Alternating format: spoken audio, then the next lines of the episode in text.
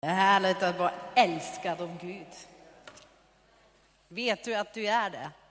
Du är älskad av Gud. Och Gud, han är med dig. Överallt, alltid. Även moment som vi kanske tycker, ska han verkligen vara med här? Mm. Han är ändå där. Och han älskar dig ändå. Men det var inte vad jag ska predika om, men ändå. För idag ska jag predika och prata om förbön. Förbön i församlingen. Och jag vill starta med första Timoteusbrevet kapitel 2, vers 1. Och där står det så här. Först av allt uppmanar jag till bön, åkallan, förbön och tacksägelse för alla människor. Låt oss läsa det en gång till. Först av allt uppmanar jag till bön, åkallan, förbön och tacksägelse för alla människor. Bön, det är en central del av det kristna livet. Det är en central del av församlingen. Och det finns olika slags böner. Alltså det, det, man kan be genom att tillbe Gud, lovsjunga som vi har gjort, att uttrycka tacksamhet till Gud, att bekänna synder är ett bön. Att lyfta upp mina egna behov är en bön. Önskningar, att prata med Gud om planer och drömmar, det är en bön. Och det finns också den typen som bön som är så betydelsefull. Det är att be för varandra. Och personlig förbön, det innebär att någon annan ber för dig och din situation. Att du känner att jag får dela det som nu pågår i mitt liv med någon annan. Och den personen kommer att be. Det är att dela sorg och att dela glädje. Och att vi kan vara tacksam att vi har det här stöd i våra liv. Du vet förbön, det kan ske på olika sätt. Så förbön efter gudstjänst är vi van med att man kan söka sig till en förebedjare. Vi är också van med att vi kan skriva våra böneämnen eller böne eller tacksägelse på en lapp eller nu på ett sms och skickade. Och du vet, det kommer, när du skickar ett sms då tänker man vad, vad händer med dem här? Ja, men våra förebedjare, de får det vidarebefordrat och de ber för det. De, de, får de här sms och så har du människor som ber för det. För vi tror på det. Och varför tror vi på det? För det är vad vi har uppmanat till att göra i församlingen. Att be och tacka för alla människor. Så två anledningar varför jag tycker att det är så viktigt med förbön. Det ena är att Gud vill att vi ska göra det. Punkt. Och det är egentligen nog, eller hur? Då, då kan jag sluta min hela predikan, för om Gud vill att vi gör någonting, ja men då ska vi göra det, eller hur? Det är inte ifrågasätta det. Men jag ändå tänker att jag predikar lite mer om det. Du vet, det finns en så stark betoning på förbön i Bibeln. Och det finns flera gånger där vi blir uppmanade att göra det. Eller där någon uttrycker, be för mig. Och en som gör det mycket det är faktiskt aposteln Paulus. Han som är den, den framgångsrike predikant på Nya Testamentet som reser runt på hela den här värld som man kände på den tiden. Och var känd för att han var inte rädd och han hamnade i fängelse och, och han gjorde alla möjliga saker. Och ändå, nästan i alla brev som han skrev till församlingar sa han, be för mig snälla. Kan ni be för mig? Jag behöver era böner, era förbön. Och i Kolossabrevet kapitel 4, vers 2-4 så kan vi läsa det. Var uthålliga i bönen, vaka och be med tacksägelse. Be också för oss att Gud öppnar en dörr för ordet så att vi kan predika Kristi hemlighet. För vår skull jag är fängslad. Be att jag talar som jag bör när jag lägger fram den. Han visste att han behöver förbön. Och det är bara där i Kolosserbrevet så har du nästan samma sak i Efesierbrevet kapitel 6, 18-20. I Jakobusbrevet kapitel 5 och 16. Och nu undrar ni varför har hon skrivit så smått, eller hur? För bara att få ihop alla bibelställena där det talas om förbön. Och det är inte enbart Paulus som ber om förbön eller pratar om förbön, det är också Jesus som säger det ofta att ni ska be för varandra. Ni ska bära varandras bördor. Ni ska vara där för varandra. Och Johannes kapitel 17, det är en av mina favoritkapitler i Bibeln. Varför? För hela kapiteln ber Jesus för oss. Hela kapiteln är ett förbön för dig. Där Jesus verkligen ber till hans fader och säger, Gud, inte för min skull, men för din skull, hjälp de människor. Och en sak som han ber det är, låt dem vara en. Ens. Ett. Ge dem enhet. För när de är ett, då ska världen se vem du är Fader. Och så finns det mer och mer. Alltså det finns i Lukas kapitel 22, i Lukas kapitel 23, i Efesierbrevet kapitel 1 och 3, i Filipperbrevet 1, i Kolossabrevet 1, i första Timoteus 2, i Filemon 1. Alltså, det går bara inte att lista upp alla bibelverserna där det står om bön för varandra. Fattar vi att Gud vill att vi ska be för varandra? Vem har fattat det nu? Yes, tack så mycket! Då kan jag gå till nästa punkt, eller hur? Och den andra anledningen varför vi ska be för varandra, det är är det ett bra sätt att visa vår kärlek till varandra. Det står i Johannes kapitel 13, 34 till 35. Ett nytt bud ger jag är. Att ni ska älska varandra. Så som jag har älskat er ska också ni älska varandra. Om ni har kärlek till varandra ska alla förstå att ni är mina lärjungar. För det är vad vår gemenskap som troende, som en församling ska vara känd för. Du vet, det är inte att de ska känna oss för våra lila och rosa bänkarna i Eskilstuna. Eller för vacker musik. Ens inte för vår fantastiska second hand-butik. Men de ska säga, känner du Bingstkyrkan? De är så kärleksfulla med varandra. Det ska vi vara känd för. Det är en trygg plats där. Då kan man slappna av när man kommer in. Och jag tänker, det sa jag förra veckan när vi hade världens festgudstjänst, att vi kan sitta här bredvid varandra från alla olika kulturer, språk, bakgrund. Det är kännetecken att det är kärleken som slås ihop. Eller hur? Det ska vi vara känd för. Och vet ni, tänk bara det här. Hur kan jag umgås med andra, se deras bekymmer och problem utan att jag ropar till Gud på deras vägnar? Kan jag iaktta andras prövningar, frestelser, motgångar och brustna och krossade hjärtan och sedan glömma dem bort? Nej. Kan jag lägga märke på deras arbete i tron och strävan i kärleken utan att be Gud välsignelse över dem? Det kan man inte. För är vi tillsammans i en gemenskap och vi ser att någon annan har det jobbigt, ja, men då måste jag be för den. Då måste jag säga, hej, come on, Gud är med dig, jag ber för dig. Och ibland också säga, behöver du praktisk hjälp också? Om jag ser att någon gör någonting fantastiskt, då behöver jag inte stå där och bara observera kritiskt. Nej, då kan jag säga Gud välsigna dig, vad kul att du använder dina gåvor för Herren.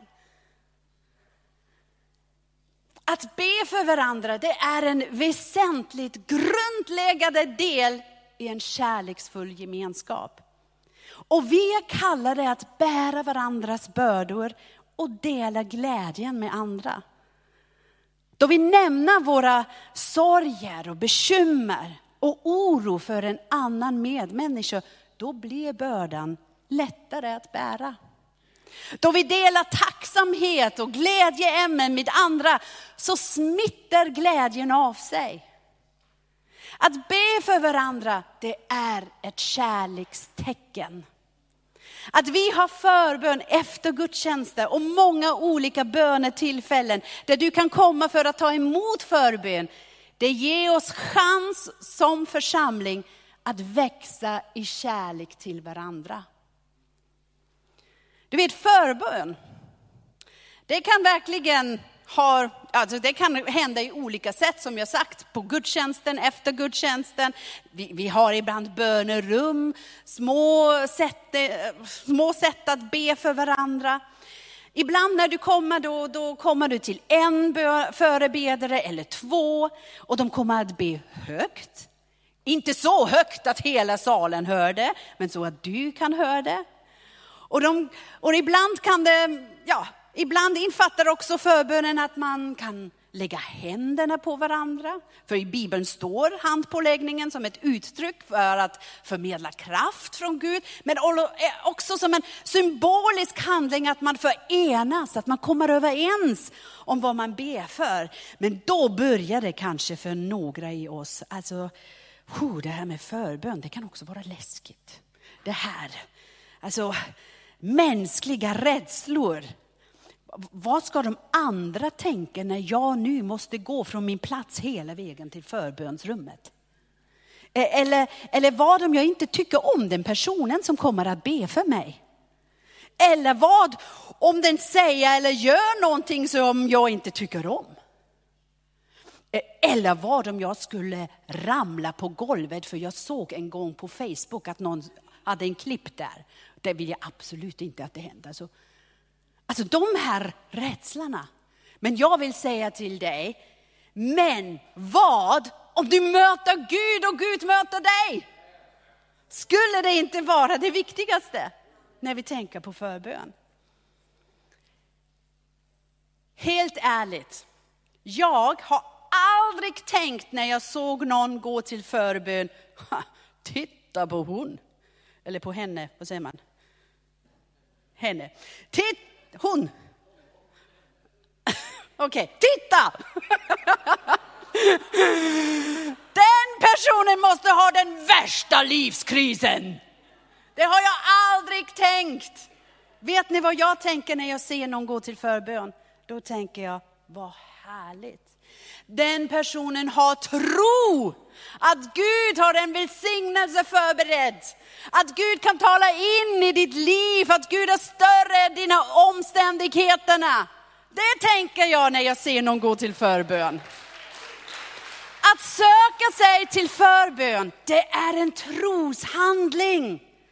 Och det gläder jag mig över. Och så ska vi alla tänka när vi ser andra gå till förbön. Gud har någonting förberett.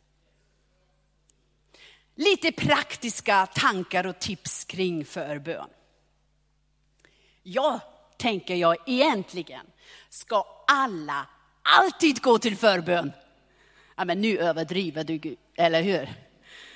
Ja, men det skulle vara egentligen vårt tankesätt. För finns det någonting att få, ja men då vill jag få det från Gud. Att ha en särskild möte med Gud i förbön, det är aldrig för mycket eller onödigt. Så ta chansen. Verkligen, ta chansen med förbön. Det är aldrig fel. Det andra är, tack och lov är Gud med oss i kriser. Tack och lov är Gud med oss i våra tuffa tider. Men förbön är inte enbart för dessa moment i livet. Och på grund av detta, då vet vi aldrig, som jag har sagt, varför människor tar sig till förbön.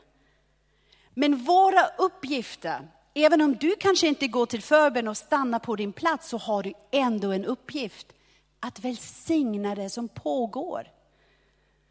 Så om du stannar på din plats och du, du ser att människor går till förbön, var inte där en åskådare. Men var en förebedjare där, där du befinner dig. För du kan bidra att det här rummet fylls med en atmosfär av tro, med en atmosfär av kärlek, med en atmosfär av trygghet.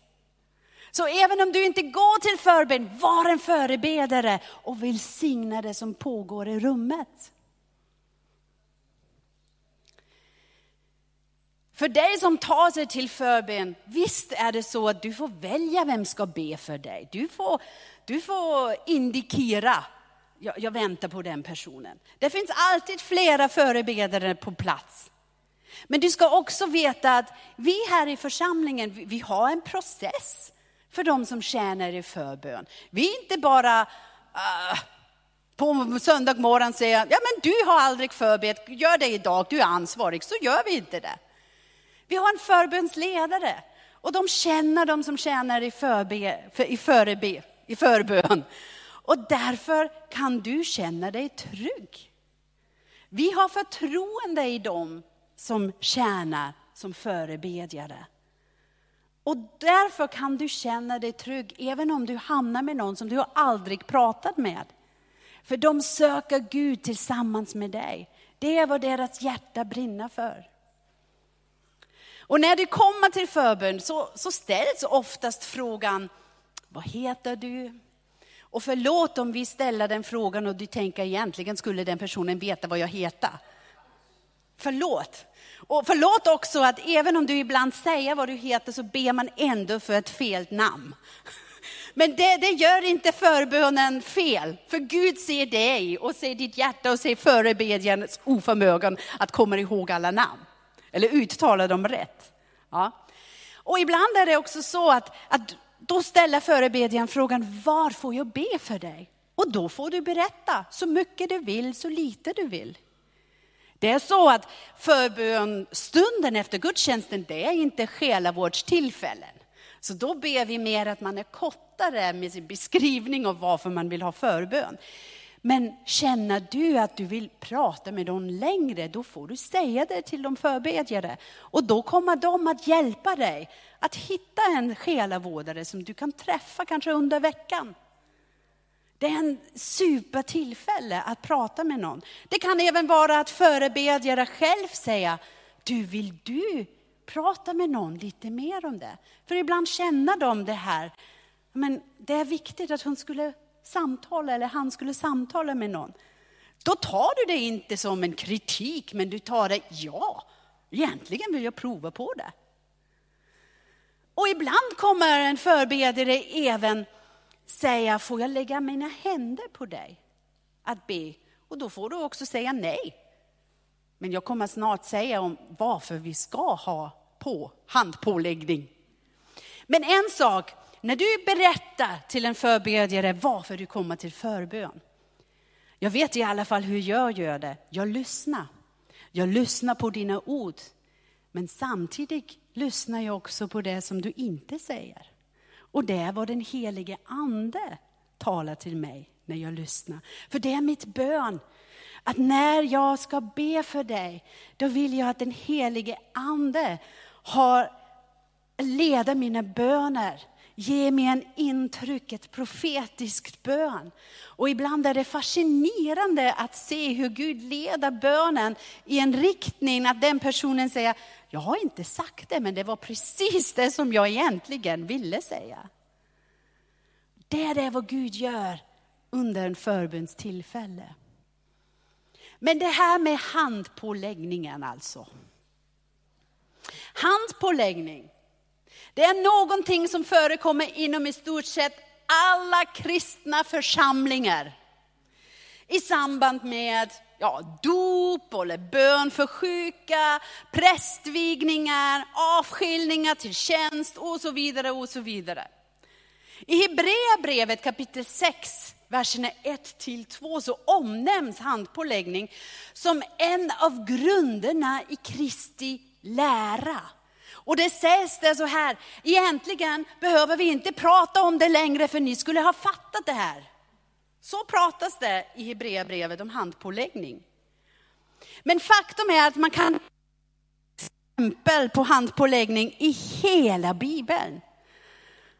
Därför igen, mycket smått skriven här, att ni bara ser hur många gånger det nämns om handpåläggning.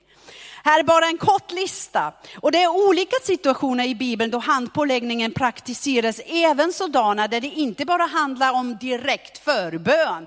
Till exempel gamla testamentet, då talas om handpåläggningen vid frambärande av syndoffer. Och det tycker jag är jättespännande, vet ni. För den var ju den tiden där, där man inte fick förlåtelse av synder på grund av vad Jesus gjort på kors. Där han dog för våra synder. Då behövde du bära fram ett offerlamm eller ett offerdjur. Och när den slaktades och dog för dina synder, då skulle du lägga din hand på det här djuret för att symbolisera det här är för min ställe istället för mig. Och det gör vi idag när du sträcker ut din hand till Jesus. Då säger du tack Jesus att du dog istället för mig. Annat ställe, vid verkställande av domslut, då läggde man hand på sig, det här gäller nu. Vid insättande av människor i uppgifter, att avskilja dem. Vid förmedlande av eller bekräftelse på vishetens andes närvaro, när någon var verkligen uppfylld av den heliga ande. Vid uppväckande av döda människor, då använder man handpåläggning. Vid förmedlande av profetiska budskap. Och i Nya Testamentet, då är det också en betoning på en helt annat sätt egentligen. Tänk när Jesus välsignar barnen, då tog han dem i famnen. Vid helande och förbön för sjuka, då gjorde Jesus många olika saker. Men att han läggde hand på dem, det var nästan alltid där. Vid Paulus omvändelse, helande och andedop var det handpåläggning. Vid förbön för människor som behöver andens dop var det handpåläggning. I samband med dop var det handpåläggning. Vid förmedlande av andliga gåvor läggde man händer på dem. Vid avskiljande till andliga tjänster, handpåläggning. Så förbön och handpåläggningen är intimt förknippat, särskilt när det handlar om förbön om för sjuka, vid förmedlande av andens dop, vid avskiljande till olika tjänster i Guds rike och bön och motsvarande andliga gåvor. Så som det framgår av alla de här exemplen är handpåläggningen en allt igenom konkret och påtaglig handling. Det är det som praktiseras i Bibeln. Men det är viktigt att betona att det inte finns något mystiskt i själva beröringen. Ingen förebedjarens händer är speciella eller heliga. Och ingen olivolja har någon mystisk kraft. Nej, det är Gud själv som botar genom sin heliga ande. Han är den som besvarar bön. Men Gud har gett oss en fysisk handling så att vi ska visa vår tro och vår förtröstan på honom. Och för att visa att vi vet att Gud är verksam. Det är som att, att stryka under och ett utropstecken. Ett sätt att uttrycka att tillsammans, förenat, står vi framför Gud med våra bön. Handpåläggning, det är ingenting övernaturligt. Det handlar inte om någon form av kraftöverföring eller förmedling av kosmiska energier eller liknande, så som det är känt kanske i, i new age och i alla möjliga sorts och sätt att göra. Handpåläggningen är en symbolisk handling som visar att även om Gud själv är osynlig för våra begränsande mänskliga ögon, så har han närvarande i det som sker. Han är mitt ibland oss. Hörni, en gång på en konferens så såg jag en förebedjare. Och den personen bara gjorde så här på hela kroppen av den som man be, den bad för. Och vet ni, jag blev livsrädd.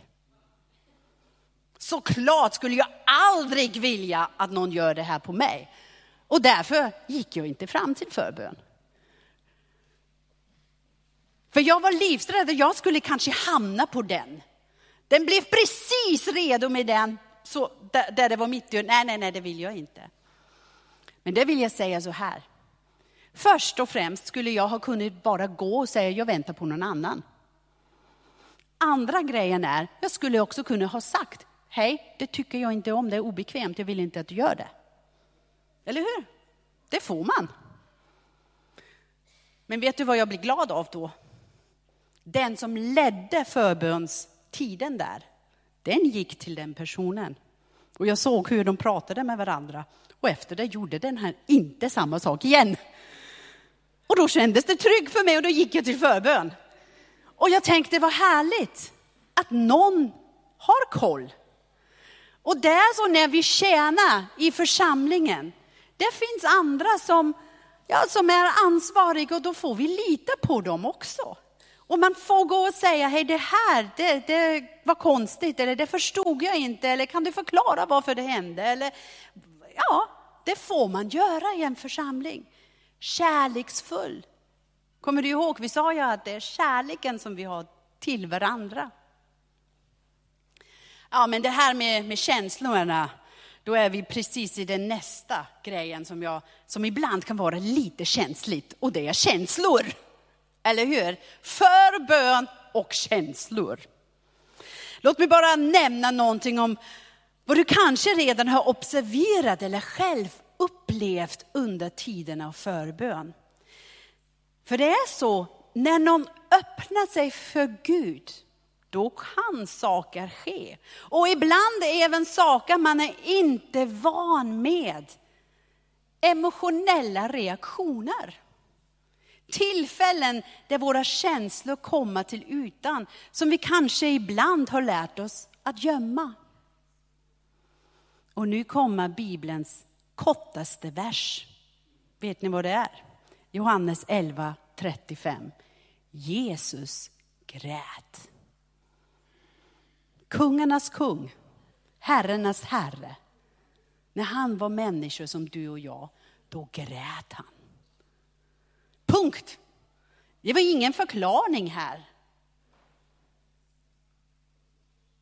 Och det gör mig så glad faktiskt att han grät.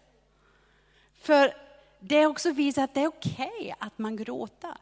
Det är okej okay att uppleva känslor. Man behöver inte trycka ner någonting och gömma någonting. Men ibland, då händer saker. Men Jesus i sin helande tjänst, han visade någonting som är så viktigt. Han visade att det inre helande, det är en viktig del av processen att bli frisk. Han omsorgsfullt svar till de behövande visar att sann helande ger helhet. Inte bara till våra kroppar, eller kroppar, kroppar, utan också till våra känslor och vårt inre, vår själ, vårt hjärta. Inre helande är en del av den fullständiga befrielse som Jesus vann på korset. Och även läkare inser att vår fysiska hälsa påverkas av vårt emotionella tillstånd, vårt tänkande, våra personliga relationer. Så om du själv upplever en känsloladdad, stark reaktion på förbön, eller du ser det hos andra, då kallar jag det ibland att då börjar hjärtat hjärtan att ropa till Gud. Ibland ber vi med vår förstånd och med våra ord. Men när det är känslorna som slår igenom, då känns det att nu ropar själen själv. Och det kan uttryckas med känslor och ibland kanske mer än vad vi normalt upplever eller visar. Det finns tillfällen i förbön när vi kommer att känna en djup sorg. Eller vi kommer att uppleva en stark förkrosselse över synd. Men det kan även vara en förlöst glädje över att bli fri eller en stark tacksamhet. Och då kan det variera i våra känslor. Det kan bli tysta tårar, men, eller, men det kan också vara högljutt gråtande som är omöjligt att stoppa. Det kan vara smärtsamt och vemodigt suckande. Men det kan även vara förlösande skratt och glädjefull sång. Men det kan också vara helt ospektakulärt. En helt normal tid utan några känslor och reaktioner. Allt ryms i Guds närvaro. Allt ryms när du vågar säga, okej okay, Gud, jag lägger ner mitt kontroll. Och jag säger, gör du vad du vill göra. Du är i kontroll. Och vet du vad? Jag tycker att det är härligt att förbönplatsen är en så trygg plats så att Gud kan möta var och en på det sättet som vi behöver det, som vi känner oss bekväma med. För Gud är en kärleksfull far som vill vår bästa. Och han känner oss och han vet vad vi behöver. Och du behöver inte vara rädd att någonting kommer att hända dig som du är inte beredd för. Lita på Gud och lita på dem som ber för dig. Att de kan hantera. Till avslutningen vill jag säga så här. Ta chansen till förbön. Var inte rädd. Säga Gud, vad har du för mig? Jag vill ta emot det. I Johannes kapitel 16, 23 till 25 står det så här. Den dagen kommer ni inte att fråga mig om något. Jag säger sanningen. Vad ni ber Fadern om i mitt namn, det ska han ge. Hittills har ni inte bett om något i mitt namn. Be och ni ska få, så att er glädje blir fullkomlig. Jesus talade om himmels rike. Och då sa han, sa han så här, då kommer ni inte behöva be längre om någonting. När, ni har, när, ni, när den dagen har kommit. Men den dagen är inte här än. Ni lever på jorden, eller hur? Ni, ni är icke perfekta människor som lever i en icke perfekta värld med icke perfekta relationer. Och då finns bördorna att be. Det finns saker som vi behöver. Och den tiden är fortfarande här, där vi får be till Fadern. Och be och du ska få så att din glädje blir fullkomlig. Jesus bjuder dig och säger kom till Fadern. För han har saker för dig. Så missa inte chansen att komma till förbön. Med allt. Med det som talas om i gudstjänsten, men med också med saker som du bär med dig hela veckan och, och ingen nämnde det under en predikan, då får du ändå komma. För det är så bra att vi får dela de sakerna med varandra. Men kom också bara för att få välsignelse. Kom för ny kraft, kom för förlåtelse, kom för upprättelse, kom för frid och fröjd. Kom, kom till förbönen. Och med det vill jag avsluta min predikan. För om man har hamnat på den ställen där man säger kom till förbön, då finns bara en sak att göra. Förbön, eller hur? Men då vill jag nu lämna över till Kalle och till lovsångsteamet.